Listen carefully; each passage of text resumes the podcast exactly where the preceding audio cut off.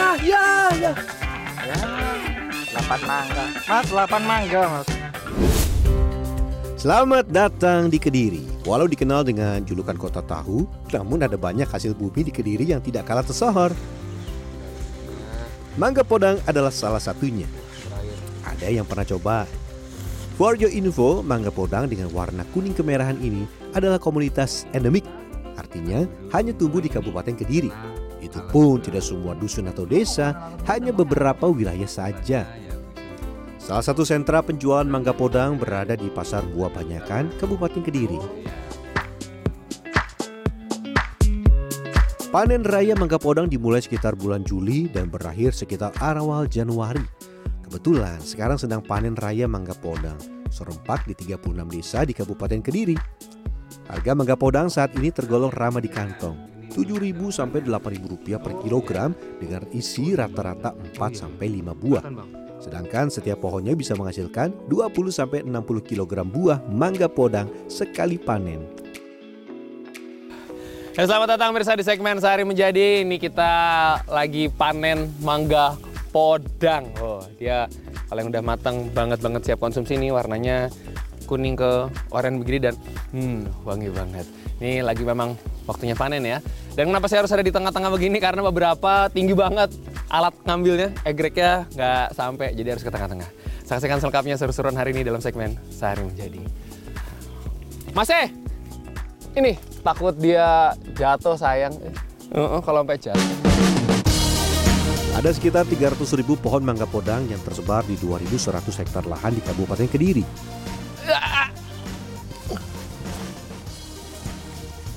Dapat. Tinggi pohon mangga podang bervariasi. Ada yang tumbuh sekitar 2 meter saja, namun ada juga yang menjulang hingga 10 meter.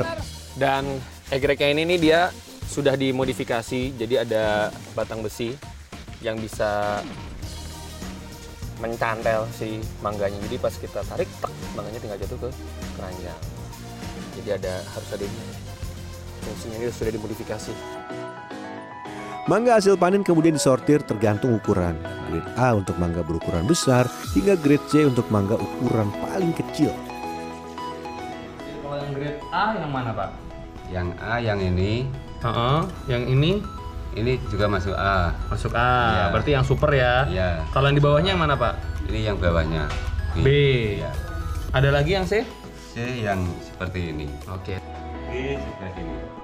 Proses sortir sekaligus memisahkan mangga yang tidak bisa dijual akibat rusak atau terkena hama. Hama merupakan permasalahan klasik yang dialami oleh para petani mangga podang. Nah, ini musim penga- kemarau yang paling banyak itu burung. Kemudian nanti ketika musim penghujan itu yang banyak adalah lalat buah. Contohnya seperti ini, ini kena lalat buah, ini salah satu contohnya. Nah, ini grade. Mangga podang umumnya mampu bertahan 7 sampai 10 hari setelah dipetik. Meski begitu, musim panen membuat stok mangga podang berlimpah. Tidak jarang membuat buah ini rusak dan tidak bisa dijual. Salah satu cara yang dilakukan secara turun-temurun oleh para petani podang adalah mengolah surplus mangga menjadi aneka makanan yang memiliki waktu simpan lebih lama, apalagi kalau bukan dikeringkan. Membuat mangga podang kering caranya cukup mudah. Kupas kulit mangga dan iris mangga podang mudah tipis-tipis. Ya, berbeda jauh dengan rasa mangga podang matang, mangga podang yang belum randum terasa sangat masam. Ternyata warga memiliki cara tradisional untuk menghilangkan rasa masam pada mangga podang muda. Loh, pakai apa itu? Abu, abu, abu kayu yang sudah dibakar. Oh nggak bisa langsung dijemur. Nggak bisa toh. Ini buat pengawet. Nanti biar hilang rasa kecut, Rasa asamnya ini Asam. Oh, oh baru tahu saya. Iya, Tapi kalau nggak pakai bisa atau nggak sebenarnya sampai kering gitu? nggak bisa. Nggak akan kering atau gimana? Enggak, Ya kering itu. tapi nanti rasanya dia tetap asam kalau nggak dikasih abu. Tiga empat hari. Setelah tercampur rata, jemur mangga podang di bawah sinar terik matahari langsung selama beberapa hari. Setelah lima hari, mangga akan menyusut lebih dari 99% dan mampu bertahan hingga satu tahun. Ini yang sudah dijemur ini agak lama nih, ini lima hari sebelumnya tadi ibunya cerita. Dan ini menyusutnya sangat amat jauh dari rata-rata 30 kg yang dijemur itu ya, 30 kilo hanya jadi satu ons saja. Awalnya ini tadi banyak, sekarang sudah. Kita akan olah. Jika ingin digunakan, potongan mangga kering harus direbus terlebih dahulu. Setelah 10-15 menit, mangga podang kering akan mekar dan bisa diolah sesuai selera.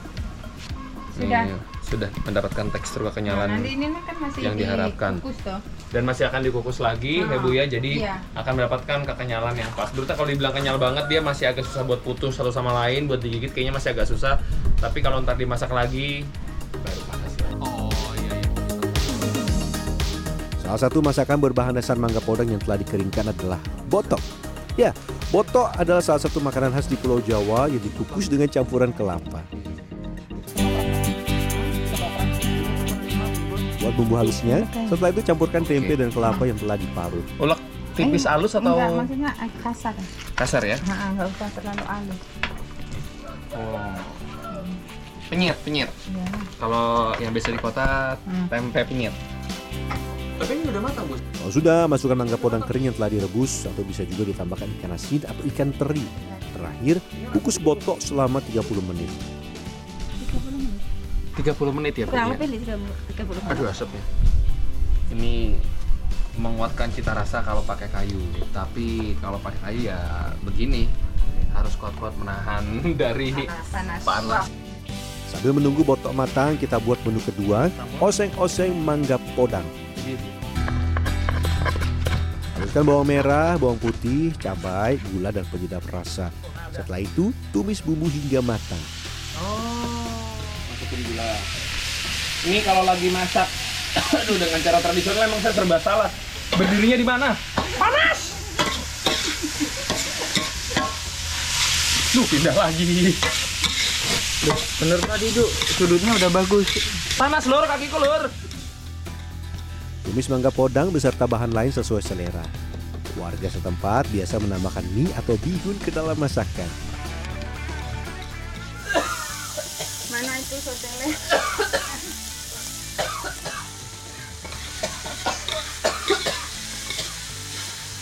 Duk, waktunya kerja nih, Duk.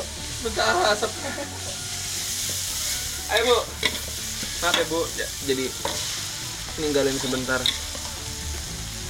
Terakhir, tambahkan kecap manis. Dan oseng-oseng mangga podang sudah bisa disajikan. Izin bu ya, Iya. koreksi rasa.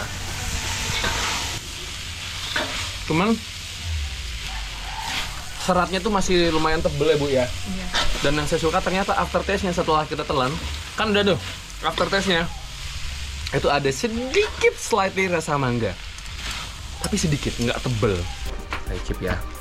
Tidak lama, botok olahan saya juga sudah matang. Lap.